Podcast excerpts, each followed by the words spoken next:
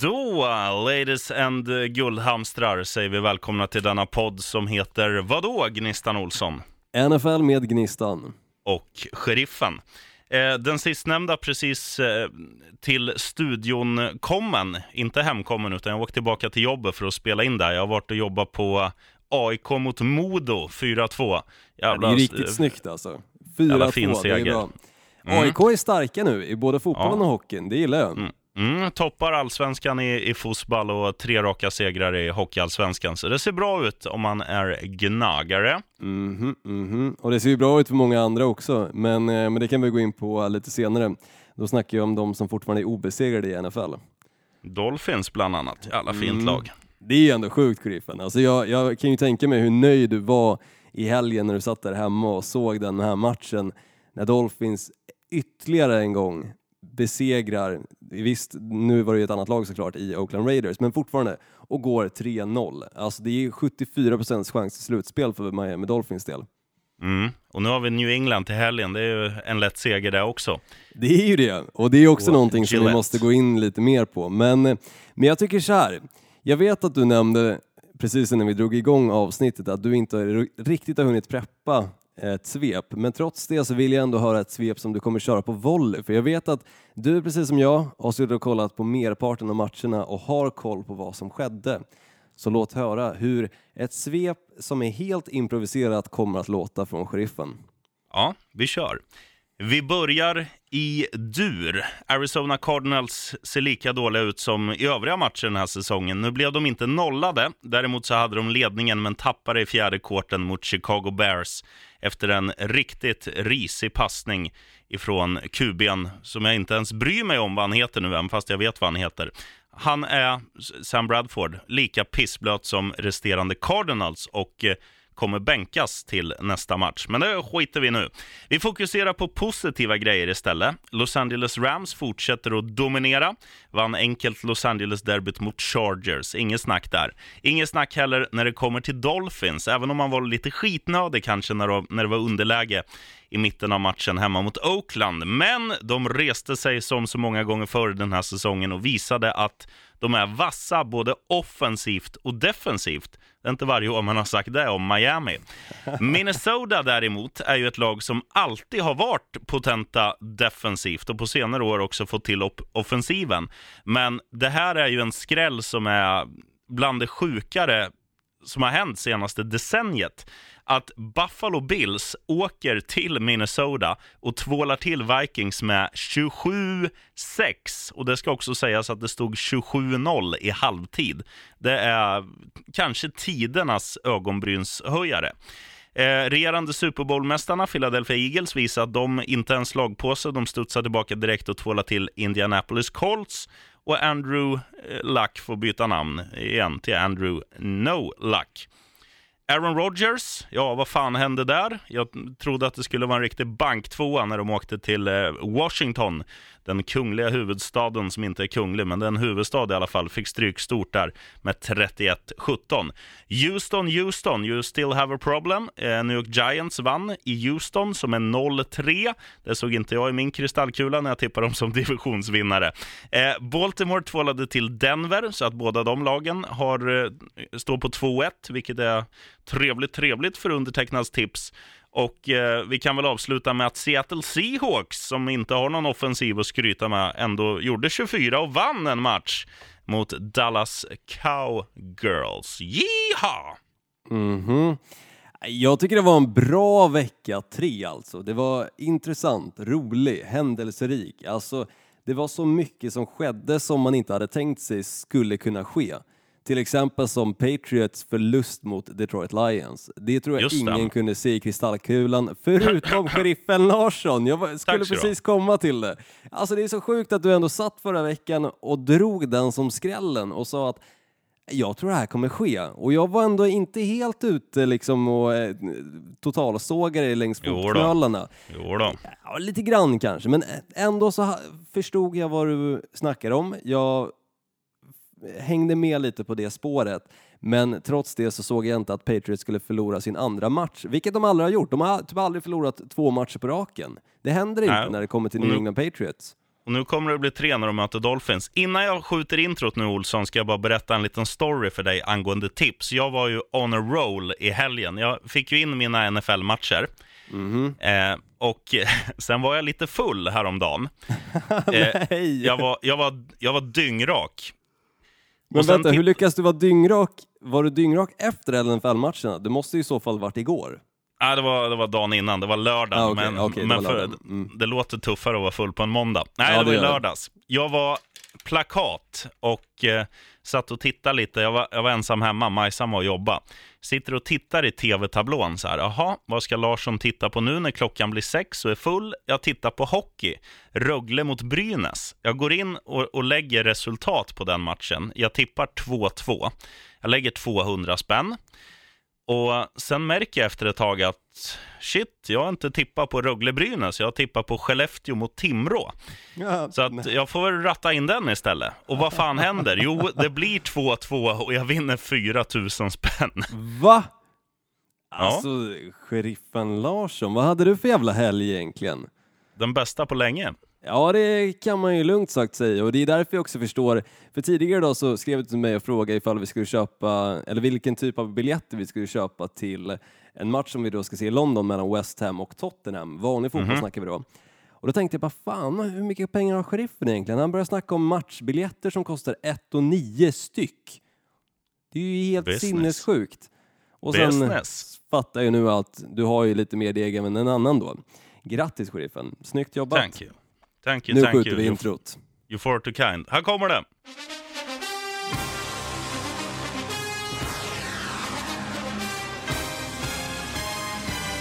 They're gonna feel that vibe. I promise y'all. They're gonna feel it. Oh, he's thrown out of bounds over on the far side, and there's a couple of penalty flags. This is totally out of control. Sådär, då var vi tillbaka i studiovärmen. Nu hör ju inte jag introt, men jag ser ju på ljudvågen att det tog slut där. Eh, vi kör en liten budgetlösning även idag. Jag sitter med telefonen på en sån här låda där det står eh, med andra ord. Och sen har jag lurar och en mick som jag inte har medhörning på, så jag hoppas att det, att det låter okej för dig som lyssnar anyway. Mhm. Jag antar att du åtminstone kommer låta bättre än vad du gjorde med ditt ljud förra veckan, för det lät inte bra. Det lät som att du satt i en liten låda. Vet du vad grejen var där? silo typ. Mm, Vet du vad grejen? Jag, jag hade ju kopplat in mixerbord och mick och allting, men Ja. jag hade glömt att ställa om i det här programmet vi spelade in i Nej. att den skulle ta från det, så att den tog liksom dataskärmens ljud på min iMac eller vad fan det heter. Alltså det, det är nästan i klass med lika klantigt som när du trodde att eh, Derek Carr skulle åka till Jacksonville Jaguars och vara tradad till dem. Det stod ju på Instagram. Ja, men man kan inte tro på allting man läser på Instagram. Sheriffen, kom igen. Allt jag, allt jag har lagt upp har ju varit sant. Ibland. Ah, det, ja, ibland precis. Jag vet inte riktigt om det stämmer. Nej, ska vi gå in på lite händelser eller vad säger du? Varsågoda. Yes, Baker Mayfield är alltså utnämnd starter för Cleveland Browns nu i helgen när de tar sig an laget som saknar en seger, Oakland Raiders. Efter att ha lett Browns till sin första seger på 635 dagar så är det alltså Mayfields tur. Och det tycker jag mer än är rätt. Jag hade blivit chockad om inte han hade blivit starter och det nämnde jag också i förra avsnittet med tanke på att då gjorde vi avsnittet på fredagen vi hade ju redan statistiken och eh, kunskapen från matchen som då var Cleveland Browns första på 635 dagar då de besegrade New York Jets. Så Mm. tummen upp, jag tror på Mayfield, definitivt. Me Jimmy too. Garoppolo däremot, han fick betalt i februari, förlorade sin första match nu i september och slet sönder korsbandet i helgen. Resan har varit kort och för 49ers-fansen garanterat smärtsam.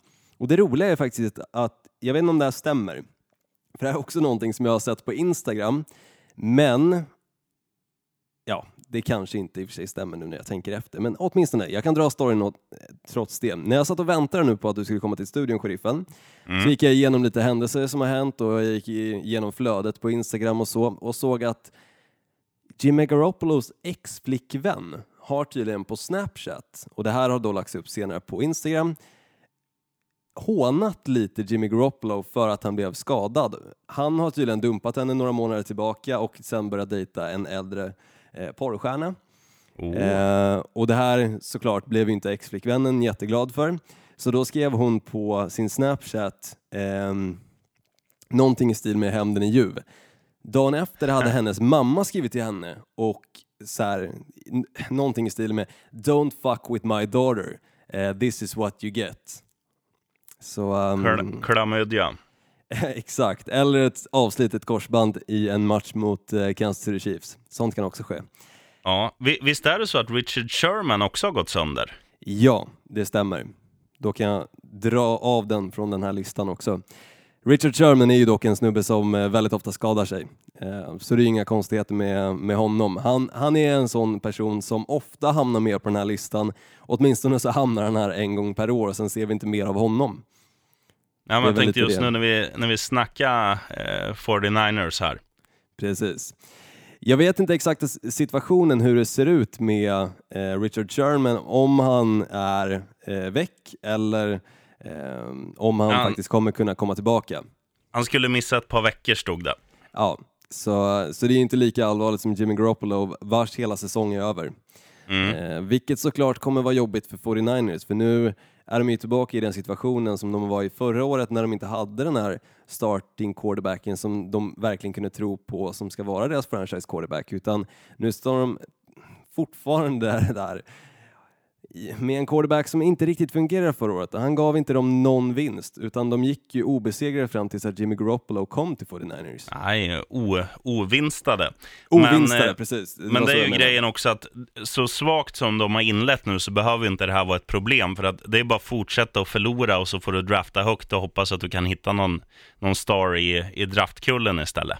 Absolut. Jag, jag tror att um, 49ers kommer få drafta högt i år. Framförallt med tanke på att det är ändå vecka tre han skadade sig. Alltså det är inte, eh, de har inte lyckats med någonting hittills och det kommer vara svårt för dem att lyckas sätta upp några vinster på tavlan dessutom nu i framtiden. Så Mm. um, tyvärr, det är jobbigt att vara 49ers-fans den här veckan och även den här säsongen.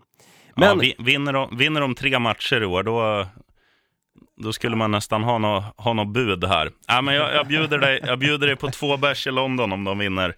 Eh, om de vinner innan vi åker dit. Och det är tre Ja. veckor dit. ja, okej, ja, ja men eh, absolut. Jag, jag tar det i budet. Om, Bra eh, Olsson. det, det låter bra, jag gillar. Du får bjuda mig på en daimstrut om, om det inte sker.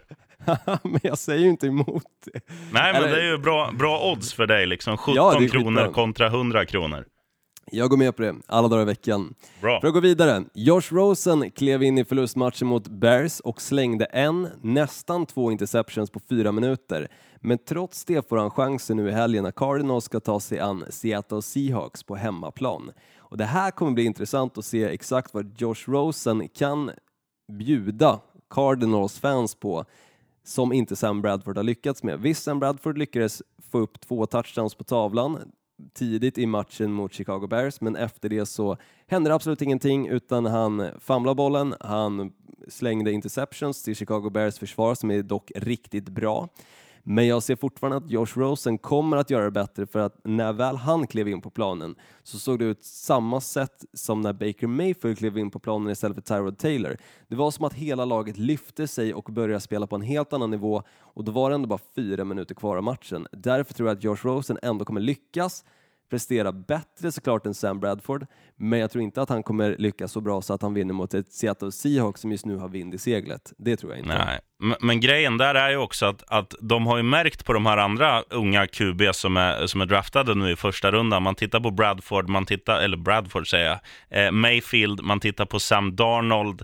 Det är spelare som, som har kommit in och gjort det alltså mer än godkänt, tycker jag.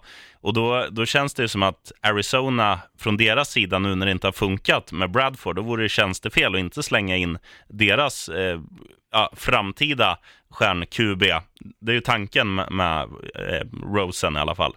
Ja, jag håller med och det är det som är så intressant med årets upplag av quarterbacks, alltså rookie quarterbacks, att de faktiskt är så pass NFL-redo så att de kan komma in och leverera bättre än spelare som har varit med i ligan så många år som ändå Sam Bradford till exempel har varit. Samma sak med Sam Darnold i Jets. Han tar ju över då efter nu är det till och med så att jag inte ens kommer ihåg namnet på honom. Han har ju varit backup i 13 års tid, men gjorde det ändå bra förra året. Josh McCown snackar ju såklart om i eh, New York Jets.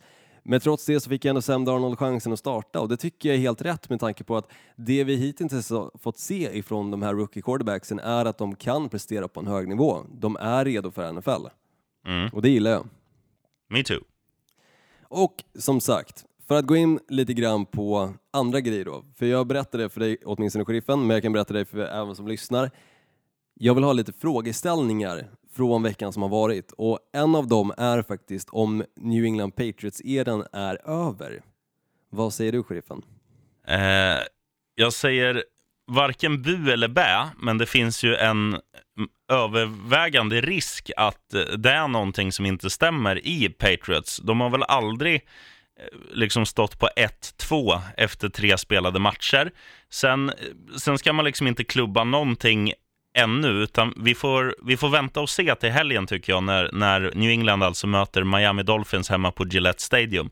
En plump i protokollet där, då kan man nästan slå fast med att, eh, att eh, det är the end of an era. Men eh, blir det seger där och sen att de radar upp ett par segrar därefter också, då är ju allt som det alltid har varit. De tar sig till slutspel och de är en av utmanarna till Super Bowl. Men den här matchen är fan i mig, det, st- det står lite och väger där. Det är verkligen en vattendelare hur det går i helgen. Jag håller med och det jag känner lite grann med just Tom Brady är att vad jag har fått se av honom de senaste veckorna är att han ser inte alls ut som den Tom Brady man är van att se. Han är gammal nu och det börjar synas. Han stapplar omkring i fickan och det känns inte riktigt som att han har koll på sin kropp. Ungefär som den här videon, jag tror jag nämnde det under förra säsongen, att det finns en video från hans, eh, när han var på Combine och körde den här NFL-draften då. Eh, och gick igenom lite olika tester, att han inte riktigt hade koll på hur sin kropp väl fungerar utan han, han såg absolut inte atletisk ut och det tycker jag var den Tom Brady vi även fick se nu i helgen och har lite grann fått se, sett de tre senaste veckorna då. Jag ser Man- man inte kan- att Tom Brady kommer hålla den här säsongen. Man kan jämföra... Hans... Olsson, du måste släppa in Larsson här ibland. Det är inte en monolog, vet du. Man, man kan jämföra, ja, men man kan jämföra To- Tom Brady lite med så här, en älg är ju väldigt majestätisk, eller hur? Och sen låtsas du att du har en villa med rönnbärsträn och sen är det höst, rönnbärna har fallit till marken, jäst lite, älgen knopprar i sig dem. Det, det känns lite som att Tom Brady har käkat rönnbär och blivit lite salongsberusad. Ja, han, eller han känns som en geting under augusti månad, augusti-september månad som är helt förvirrad. Jag Ja. ser inte samma Tom Brady som jag tidigare har sett och det tror jag är det som kommer, det är ju punkten för ehm, New Englands era. Om inte han kan prestera på den nivån han tidigare har gjort. För att det är ju inget stjärnlag i laget i sig, utan det är ju Tom Brady som ofta har varit den här avgörande faktorn i att de vinner så många matcher som de har vunnit. Mm. Eh, nu blir det spännande att se när de tar in eh, Gordon här också från mm, Cleveland Browns, som han kommer flyga, för att nu får du ju då nu har de ju tappat Amandola som, man kan ju inte säga att, att han är en jätte, jättespelare, men det har varit en viktig pusselbit i lagbygget New England. Han har haft eh, Edelman, han har haft Amandola, han har haft Gronk att passa bollen till. Nu får han in en, eh, en eh, Jo- Josh Rogan, vad fan heter han nu? Gordon. Josh Gordon, förlåt mig. Josh Gordon, eh, som, är, som har vä- väl, alltså, grym potential, men eh, han har ju spelat väldigt lite matcher de fem senaste åren. Han har ju eh, dopat sig och gjort massa blunders och varit skadad och eh, ja, kan, kan han få igång det också så har ju Brady en ny lekkamrat och då kan det bli en pånyttfödelse för New England. Men, men annars kan det vara liksom steg successivt att timglaset rinner ut mot en, någon typ av begravning. Jo, absolut. Men nu ska du också, nu måste jag ändå lägga till det också att Edelman kommer ju komma tillbaka efter tre matchers avstängning. Så han är ju tillbaka nu i helgen mot Miami Dolphins. Så det är så- såklart att det talar lite för New England Patriots. Men jag ser fortfarande det här frågetecknet i Tom Bradys form. För jag ser inte att han, han är inte samma spelare som han har varit. Och det är ju såklart att åldern är en fa- eh, faktor i det här. Han är, Ja, han är gammal och den positionen, när man blir gammal. Det har man sett med tidigare spelare också, som till exempel Peyton Manning som höll på väldigt länge, så blev han sämre med åren och han var tvungen att ta passningar som han kanske inte gjorde tidigare och gjorde mer och mer misstag och var tvungen att förlita sig mer på andra än vad han kunde förlita sig på sin egen kapacitet. Och det ser jag samma sak hända med Tom Brady just nu. Mm. Ja, jag håller med. För att gå in på den andra frågan. Kan Vikings återhämta sig efter chockförlusten mot Bills? Och det här menar jag med att det känns som att Vikings försvar, så fort de har saker och ting som går emot dem, till exempel som de hade nu i matchen mot Bills, två touchdowns väldigt snabbt bakåt, så lyckas de inte komma tillbaka. Och därför känner jag att vad kommer ske i de gånger, i de lägen som faktiskt Vikings ligger under? Kan de återhämta sig och kommer den här chockförlusten att vara någonting som kommer hänga över dem åtminstone två, tre veckor? Ja, jag tror inte de studsar tillbaka i helgen när de har Rams på bortaplan. Eller i helgen, de spelar väl natten mellan torsdag. torsdag och fredag mm. mot, mot Rams på bortaplan. Men annars eh, så tror jag, jag tror fortfarande att, eh, att Vikings kommer vinna sin division och jag tror att de kommer hitta, till, hitta tillbaka. För att så här resonerar jag kring den här Buffalo-matchen. Att man går in, eh, man själva har vunnit de två första, Buffalo förlorar de två första. Buffalo har sett katastrofala ut. Mm, de spelar ju lika mot Packers. Så de hade 1-1. Ja, okej. Okay. Men eh, det, det kändes som, som en seger ändå. De kom ju tillbaka i den matchen. Skitsamma, de är mm. i alla fall, de har ju visat i de två inledande matcherna att de är ett bra lag. Något man inte kan säga om Buffalo. Då tänker ju eh, Minnesota Vikings, liksom, de, de har det undermedvetet att Även om vi är 90 procent så vinner vi förmodligen den här matchen. Vi sparar oss lite till nästa vecka då vi har en jättetuff match borta mot Rams. Dessutom inte en full veckas vila utan det blir liksom eh, väldigt eh, tajt schema. Eh, och sen händer ju det som inte får hända, att när försvaret har varit inne och eh, släppt till en touchdown, vilket kan hända, då vill ju de sitta och vila lite för att anfallet med Kirk Cousins i spetsen ska in och leverera så att de får sitta och hämta andan lite. Han kastar bort bollen direkt och gör det flera gånger och de slår ut den ur händerna på honom och så här. Det, det är grejer som väldigt sällan händer eh, just i Minnesota Vikings. Så att jag tror ju att det, det är en typ av utmattning att spelarna, de defensiva spelarna fick vara på plan alldeles för mycket och också att eh, quarterbacken i Bills, som jag nu tappar namnet på för att jag tycker alla heter likadant av de unga och lovande. Josh Allen. Josh Allen, han är ju mm. smart för han kastar, han märker att deras secondary hänger ju inte med. Mm, så att nej, han nej. kastar ju långa lyrer hela tiden och eh, de som står och bufflar tjockisarna där i mitten, de är också trötta. Så att Buffalos offensiva linje manövrerar ut eh, Minnesotas defensiva linje. Så att Josh Allen får mer tid än vad han i normala fall får. Han utnyttjar det till 110 procent. Alltså, det är ju en jävla skräll, men, men de gör det ju smart. Det får man ge Buffalo. Ja, definitivt. Och det är det ändå som jag tycker är så intressant med just Minnesota Vikings. Hur kan ett lag som förra året gick så långt i slutspelet spela så pass dåligt och framförallt inte kunna leverera på en professionell nivå. De lyckas inte återhämta sig. Och visst, jag förstår att laget blir trötta av att vara inne på planen, men det är ju det de har fysträningar för. De ska ju ändå klara av att spela en hel match. De ska kunna klara av att vara inne på planen länge och kunna prestera. Om man ska spela i liksom en så hög nivå som ändå NFL är. Det är den högsta nivån i amerikansk fotboll. Det ska inte sluta så här för ett så pass bra äh, försvar som då Minnesota Vikings har. Jag blev ja, så chockad när jag såg den här matchen. Men tittar man i andra änden av det, det är inte så, det är inte så att Buffalo är en jävla gäng söderalkisar som åker dit och, och, i normala fall jobbar på någon knivindustri. De är ju också liksom proffsatleter, så att eh, det ja, gör ju jo, mycket. Vi, vi, vi, säger så här, nu, nu är du bättre tränad än mig, men om vi backar bandet två år och du och jag eh, skulle vi har samma förutsättningar eh, fysiskt och vi, mm. vi ska springa 100 meter.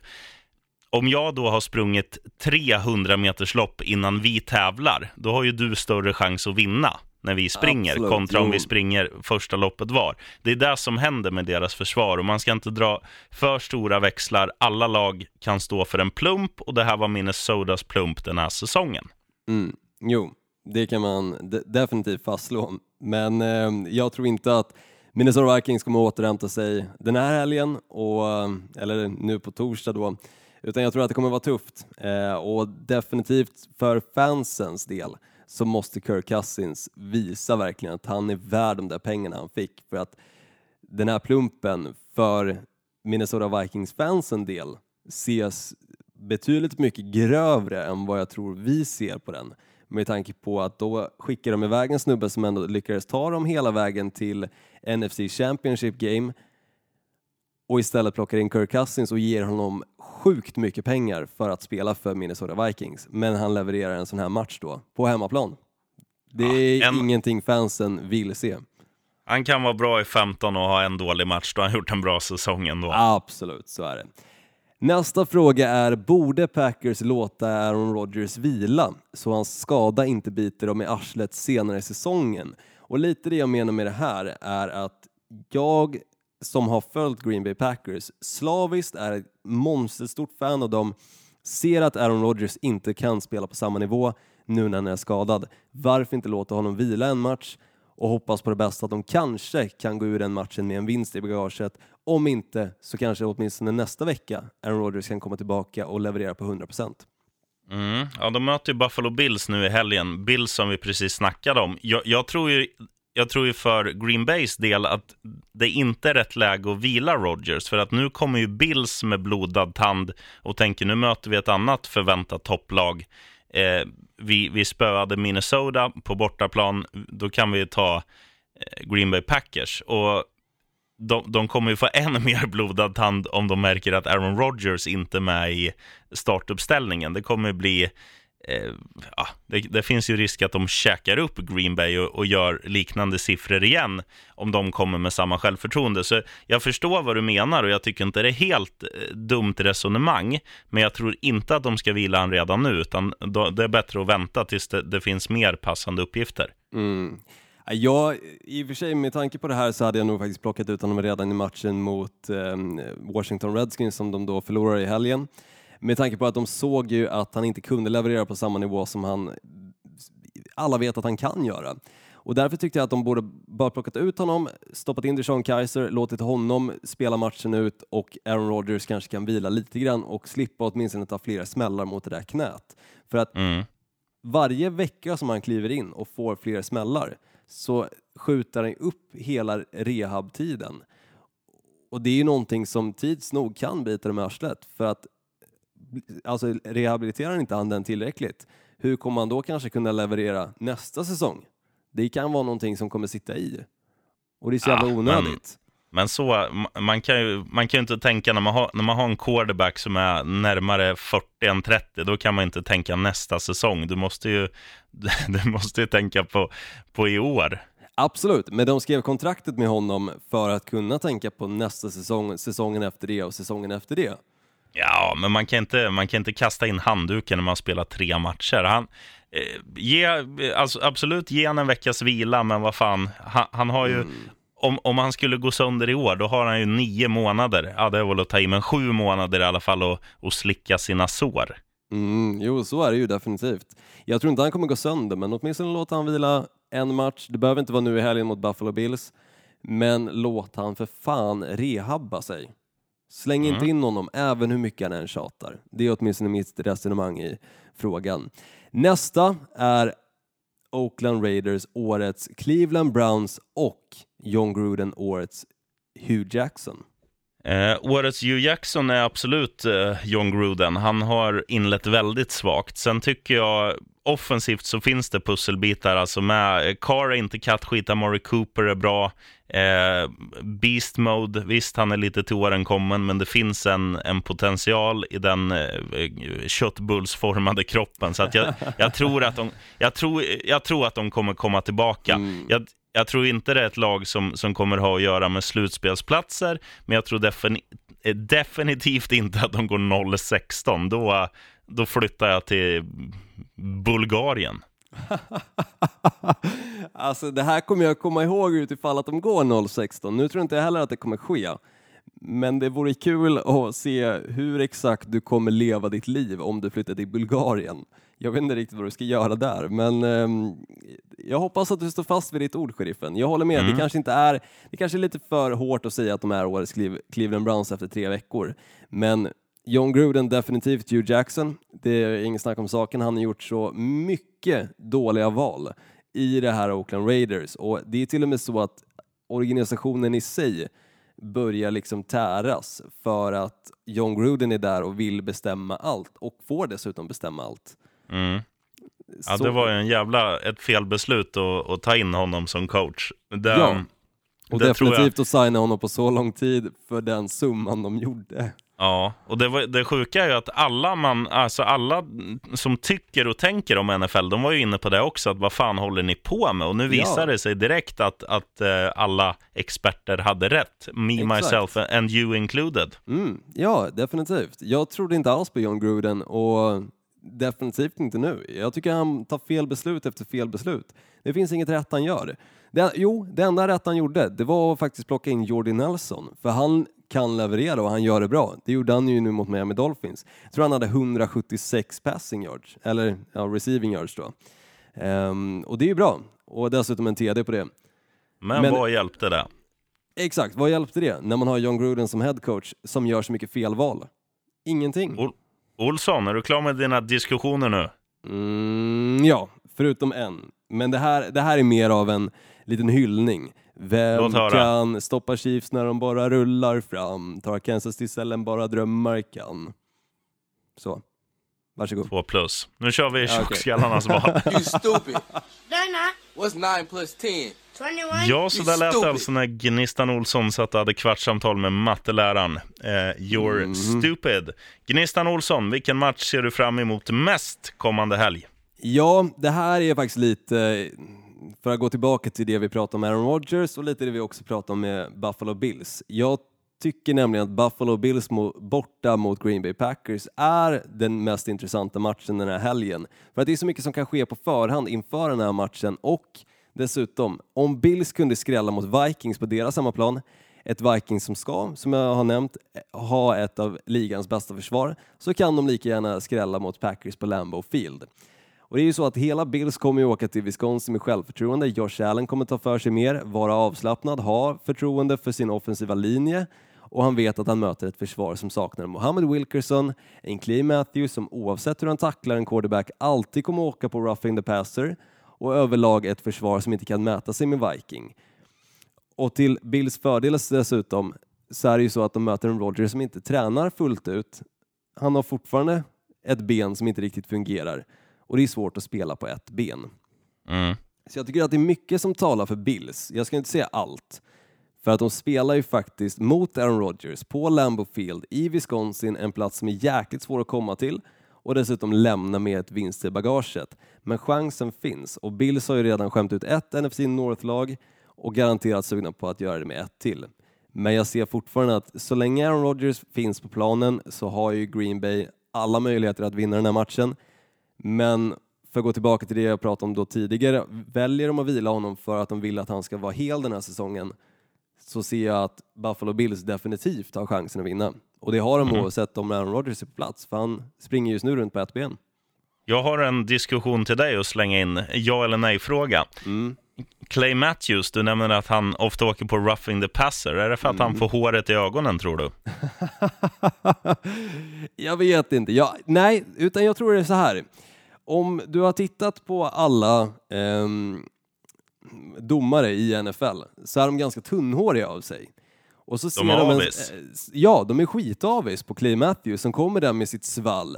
Han tacklar Ja, ser- en quarterback så snyggt som man kan göra och Ser dessutom ut som en jävla det... prins Valiant. Exakt! De är bara avundsjuka på honom. Det är därför de slänger flaggan. De- Nu slänger jag flagga på dig. Nu är din ti- tid ute här, Olsson. Ja. Eh, jag fattar mig kort och säger så här. Det finns två matcher. Den ena ska jag lägga lite mer fokus på, men jag ska bara säga att eh, matchen som börjar sent på söndag mellan New York Giants och New Orleans Saints kan bli en offensive blowout. Nu fick ju eh, Giants efter mycket om och men igång sin offensiv med eh, Saquon Barkley och, och grabbarna nu i, i gångna helgen, så det ska bli jävligt kul att se två väldigt potenta offensiver möta varann. Men fokus riktas på Chicago Bears, Tampa Bay Buccaneers, för att inför säsongen, om man skulle sia, så här, ja, vad, vad skulle de ha sammanlagt efter, efter tre spelade matcher vardera, alltså sex matcher tot? Ja, kanske en seger, liksom fördelat på något av de två lagen. Nu står båda lagen på 2-1 och har eh, på olika sätt imponerat. Jag tycker att eh, i Chicagos fall så är det liksom en bredd som imponerar och, och att värva in Khalil Mack till försvaret har ju visat sig vara ett genidrag. Han är ju asbra. Ja, han är Eh, ligans bästa spelare just nu. Ja, Det är definitivt. om saken. Och Trubisky är liksom, han har inte imponerat lika mycket som många av de här andra quarterbacksen, men han, han, gör, han gör det han ska. De har vunnit två av tre matcher. Eh, och tittar man på Tampa Bay så var ju, alltså Fitzmagic var ju nära att, att vinna nu i, i veckan också när de eh, mötte Steelers. Steelers vann väl med 30-27 eller något sånt där. Och det var ju att, lite briljans på slutet från Big Ben. Annars var ju Annars kunde Tampa stått på 3-0. Så det här är två lag, två lag som har överraskat positivt och eh, ja, det ska bli kul att se. Nu vet jag inte riktigt om du har kollat highlightsen, sheriffen, men det var ju faktiskt inte riktigt så, utan Pittsburgh Steelers ledde ju med 30 poäng. Eh, jag kommer inte exakt ihåg vad Tampa Bay Buccaneers stod på i halvtid, men Pittsburgh Steelers hade åtminstone 30 poäng. De gjorde ingenting offensivt i andra halvtid. Eh, däremot, i andra halvlek. Däremot så varför Buff- eh, Tampa Bay Buccaneers förlorade den här matchen, det var ju för att eh, Fitzmagic då, som han har kallats de senaste två veckorna, gjorde ganska mycket tabbar. Han kastade bollen i dumma situationer, till exempel när de stod på tvåyardslinjen så passade han bollen och en riktigt dålig passning också som ledde till en pick six. Det var sådana grejer som gjorde att Pittsburgh Steelers kunde leda med 30 poäng när de gick in i halvtid. Men de behövde inte göra någonting offensivt för att det lyckades inte Tampa Bay med heller. Visst, de kom tillbaka, hade chansen, men det slutade på att eh, ja, Pittsburgh Steelers gjorde mindre misstag. Det var en match som bestod av mycket misstag, ser jag bara. Ehm, och Fitzmagic, nja, inte så mycket magic i den här matchen. Nej, men vad fan, två av tre. Är man, är man Magic där när man en spelare man inte har räknat med, då, då tycker jag ändå man är mer Magic än, eh, eh, ja, vad ska vi dra till med för arbete? So, zoosköp, zoolog. Ja, jo, jo absolut. Eh, Dock så tror jag att det är ganska många säkert som tycker att zoologerna gör mycket magi, men eh, nej, jag håller med dig. Eh, det är klart att han har visat sig vara potent och kunna leverera, men jag vill bara liksom poängtera att den här matchen ändå eh, slutade eh, som den gjorde på grund av misstag. Ja, jag har, ju bara, jag har ju bara läst mig till hur, hur den här matchen utspelas, för den, den spelades ju i natt ju. Mm, precis. Jag kollade bara highlightsen, eh, men det var, det var en bra summering av matchen och då kunde jag ju se exakt hur den eh, slutade. Mm. Nej, det är bra. Man får, man får rätta när man, när man är ute och bikar. Vet du. Eh, vi går till nästa punkt då. En skräll, Olsson. Shocking. Positively shocking. Och du får inleda. Okej, jag säger det som jag har sagt många gånger tidigare. Jag vet inte riktigt om jag dock skulle se det här som en skräll, men trots det så ser oddsättarna i dagsläget att Cleveland Browns besegrar Oakland Raiders på bortaplan som en skräll. Och visst, det kan vara för att just Oakland Raiders har hemmaplan, men det har inte visat sig vara någonting av värde hittills. Men, jag ska säga också så här. Aldrig så har jag varit så säker som jag är nu faktiskt på Cleveland Browns. De har vind i seglet, de har också ett segel som kommer att ta dem framåt till en vinnande säsong. Och mark my words, Baker är klar att starta istället för Tyrod Taylor. Han kommer göra briljans ifrån sig. Jarvis Landry är på hugget. Antonio Callaway kommer göra som Wilson i Dolphins gjorde mot Raiders secondary. Och det är skrivet i sten. Cleveland win vinner och Oaklands ägare kommer ångert bittra att han skrev det här kontraktet som han gjorde med John Gruden. Jag ser inte hur Cleveland inte ska kunna fixa den här matchen mot ett så dåligt Oakland Raiders som de är just nu. Ångert bittra, det var, det var en märklig ordföljd, men jag förstår vad du menar. Du, jag tar eh, min skräll lite, Ångra lite snabbt också. jag. Eh, om man tittar på eh, ett annat lag som, som, eh, som jag snackade om lite förra veckan, eller jag, jag snackar mest om deras tränare, eh, Matt Patricia, Mm-hmm. Detroit Lions, som verkligen fick det att funka mot, eh, mot New England Patriots. Nu ska de åka till Dallas och spela, och Dallas har ju varit en, eh, jag tycker, en av säsongens stora besvikelser. Nu är ju det kanske inte ett lag om man liksom synar truppen så är det ju inget kanonlag. Det kan man inte påstå. Det finns några pusselbitar i Prescott och Ezekiel Elliott. De har vi snackat nog om i den här podden. Vi riktar fokus på Detroit Lions istället, som, som nu tog en livsviktig seger för att säsongen inte ska vara körd redan efter tre veckor. De har, som du nämnde med, med Cleveland, vind i seglen och de kommer av bara farten tvåla till Dallas på bortaplan till ett ganska smakligt odds på två och en halv gånger pengarna. Bam! Ja, jag ser det också, definitivt. Med tanke på att jag också skrivit upp just Detroit Lions, att de ska plocka sin andra seger borta mot Dallas Cowboys som lätta stålarna. Och då är det just för att det jag såg av cowboys i helgen när de försökte ta sig an Seattle Seahawks, ett Seattle Seahawks som har blivit hånad för alla deras drag under off-season för att de inte hade något lag kvar. Men det visar de sig ändå ha, ett bättre lag än Dallas Cowboys. Och då var de också dessutom, visst de var hemma, de hade den här tolfte spelaren som alla brukar snacka om, men Cowboys hade ingenting framåt. De hade ingenting att komma med. Och jag blev så chockad att se ett Dallas Cowboys som har så många bra pusselbitar i sitt lag inte kunna leverera på en bra nivå. Jag tror inte Mm. att de kommer lyckas med det mot Detroit Lions heller, för precis som Cleveland, precis som du säger, de har vind i seglet. Och bara för att gå in lite snabbt igen på Cleveland-matchen, det jag tror kommer vara... Nej, Olsson! Jo, jo, jo, jo, jag måste nämna det här. För att alla som kanske håller på med fantasy eller gillar rookies och sånt där, jag tror att stjärnorna i den här matchen kommer faktiskt vara rookiesarna Denzel Ward, Baker Mayfield, Nick Chubb och Antonio Callaway. Håll bara utkik på dem. Du, nu kör vi lätta stålar i eh, lite retroaktivt här. Du har redan nämnt in, så jag tar mig in. Och då ska vi till mannen som inte levde upp till sitt namn eh, i helgen, Andrew Luck. Nu ska ju Indianapolis Colts spela mot Houston Texans. Houston Texans har gett upp. Jag tycker man ser det i varenda match. Alltså, det finns så jävla mycket potential i det där laget som inte utnyttjas. Deshaun Watson har sett pissblöt ut. Eh, DeAndre Hopkins är inte så bra som han brukar vara, men det kanske är för att folk vet att eh, markerar vi honom så, så händer ingenting offensivt, även om Fuller har gjort det helt okej. Men luften har gått ur Houston Texans, Indianapolis Colts har ändå varit med ganska bra i, i sina matcher. Det har inte varit eh, liksom boom shakalak i arslet, utan det har varit, eh, de har sett helt okej ut tycker jag. Nu tror jag att, eh, att eh, Houston Texans, ja, detta jävla sorgebarn till lag bara kommer fortsätta att fallera och fallera och Indianapolis Colts kommer ta säsongens andra seger. Bam! Lätta stålar till 1,85. Mm, jag tror också det, med tanke på att Indianapolis Colts var ju faktiskt nära på att vinna mot Philadelphia Eagles trots att Carson Wentz var tillbaka. Visst, det var hans första match efter att ha kommit tillbaka från en skada som han drog på sig sent under förra säsongen.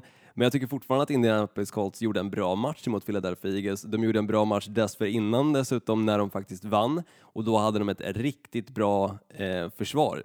Eh, och han var ju dessutom, en av deras försvarsspelare var ju med eh, på förra veckans lista av eh, rookie-kollen som nummer ett. Eh, så definitivt, jag tror att eh, enkel seger för Indianapolis Colts som dessutom spelar hemma. Har du gjort någon rookie-koll den här veckan då? Ja, det har jag. Kör! Och för att gå in då på rookie-kollen så hamnar på tredjeplatsen Baker Mayfield, quarterback i Cleveland Browns, som alla vet draftades first overall. Han fick fram 17 av 23 passningar för 201 yards med en rating på 100.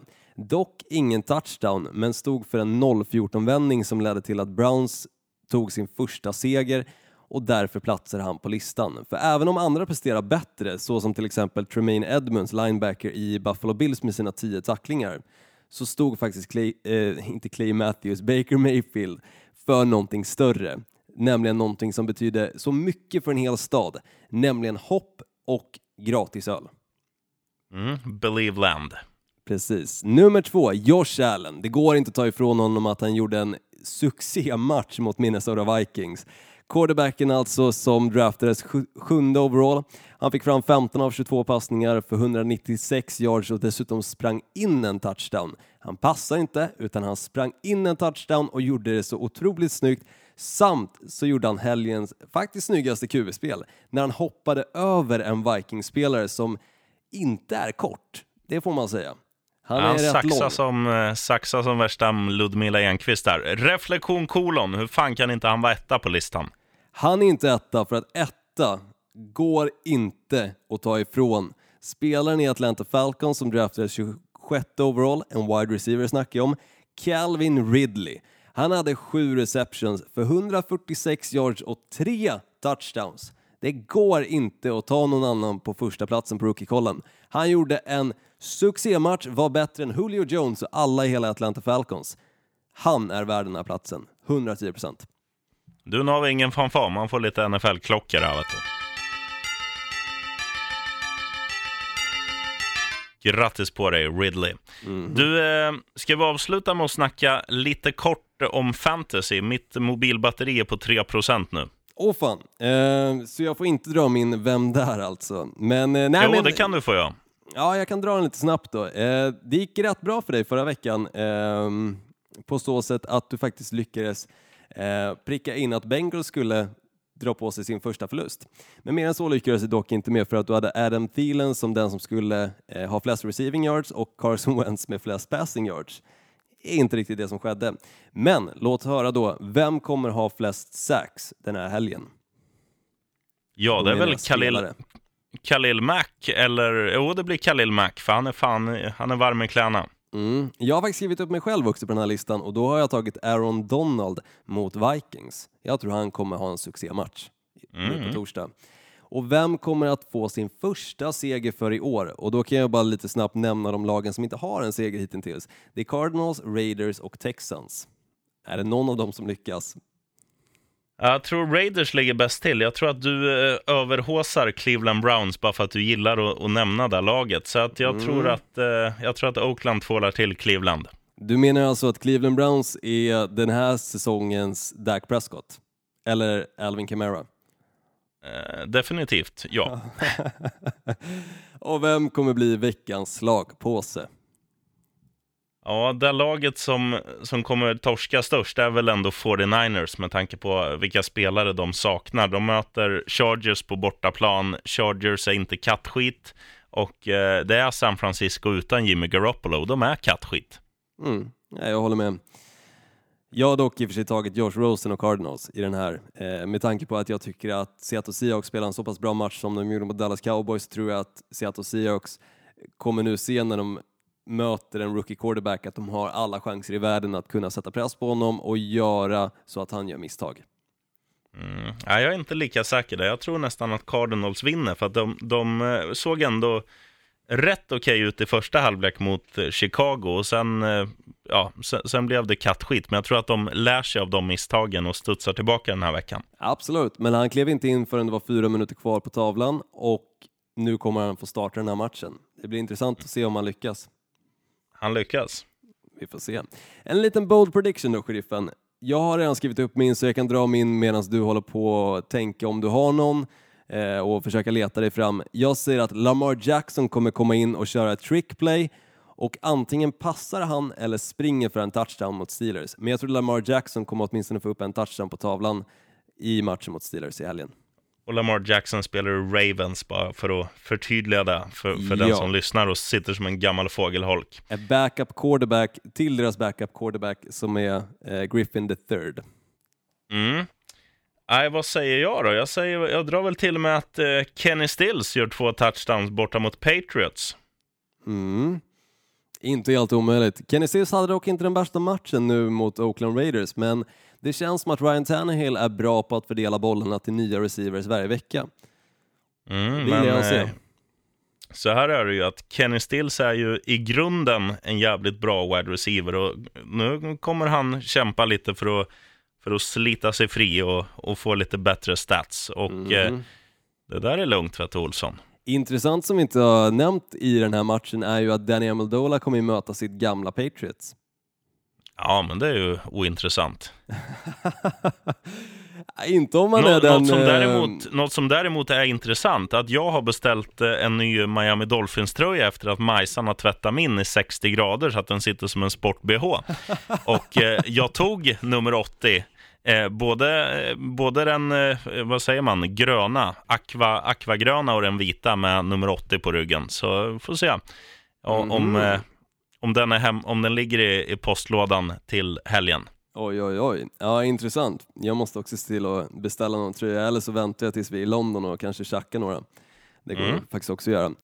Ja, bra Olsson. Du, innan mitt batteri dör så rundar vi nu av och eh, tackar alla som har lyssnat så här långt. Och eh, känner du att du vill gå in och recensera den här podden så vet du ju vart du hittar den. Du hittar den nu i den här appen som heter Podcaster Set. Fyra stjärnor, sätt fem stjärnor, sätt tre, sätt tre stjärnor. Skriv Gnistan Olsson pratar för mycket, sheriffen svär för mycket eller vad du vill. Eh, ge oss lite konstruktiv kritik och ett betyg. Det uppskattar vi och tack för att du lyssnar. Ja, thank you. På återhörande nästa vecka. Du, bra jobbat Olsson. Tack detsamma. Nu får du outrot så, så kan du hänga kvar här så ska vi berätta, eller ska vi lista ut vem som lägger upp det här und so weiter. Nu kommer outrot. Puss och kram. Tack för att ni lyssnar. Go Dolphins! Pass out of the backfield, right? Bozzy Whitaker. Back toward the middle of the field. To the 40, the 35, breaking tackles. It's got Vilka säger du go till då? Go Pack, go. Du, inte svära på primetime.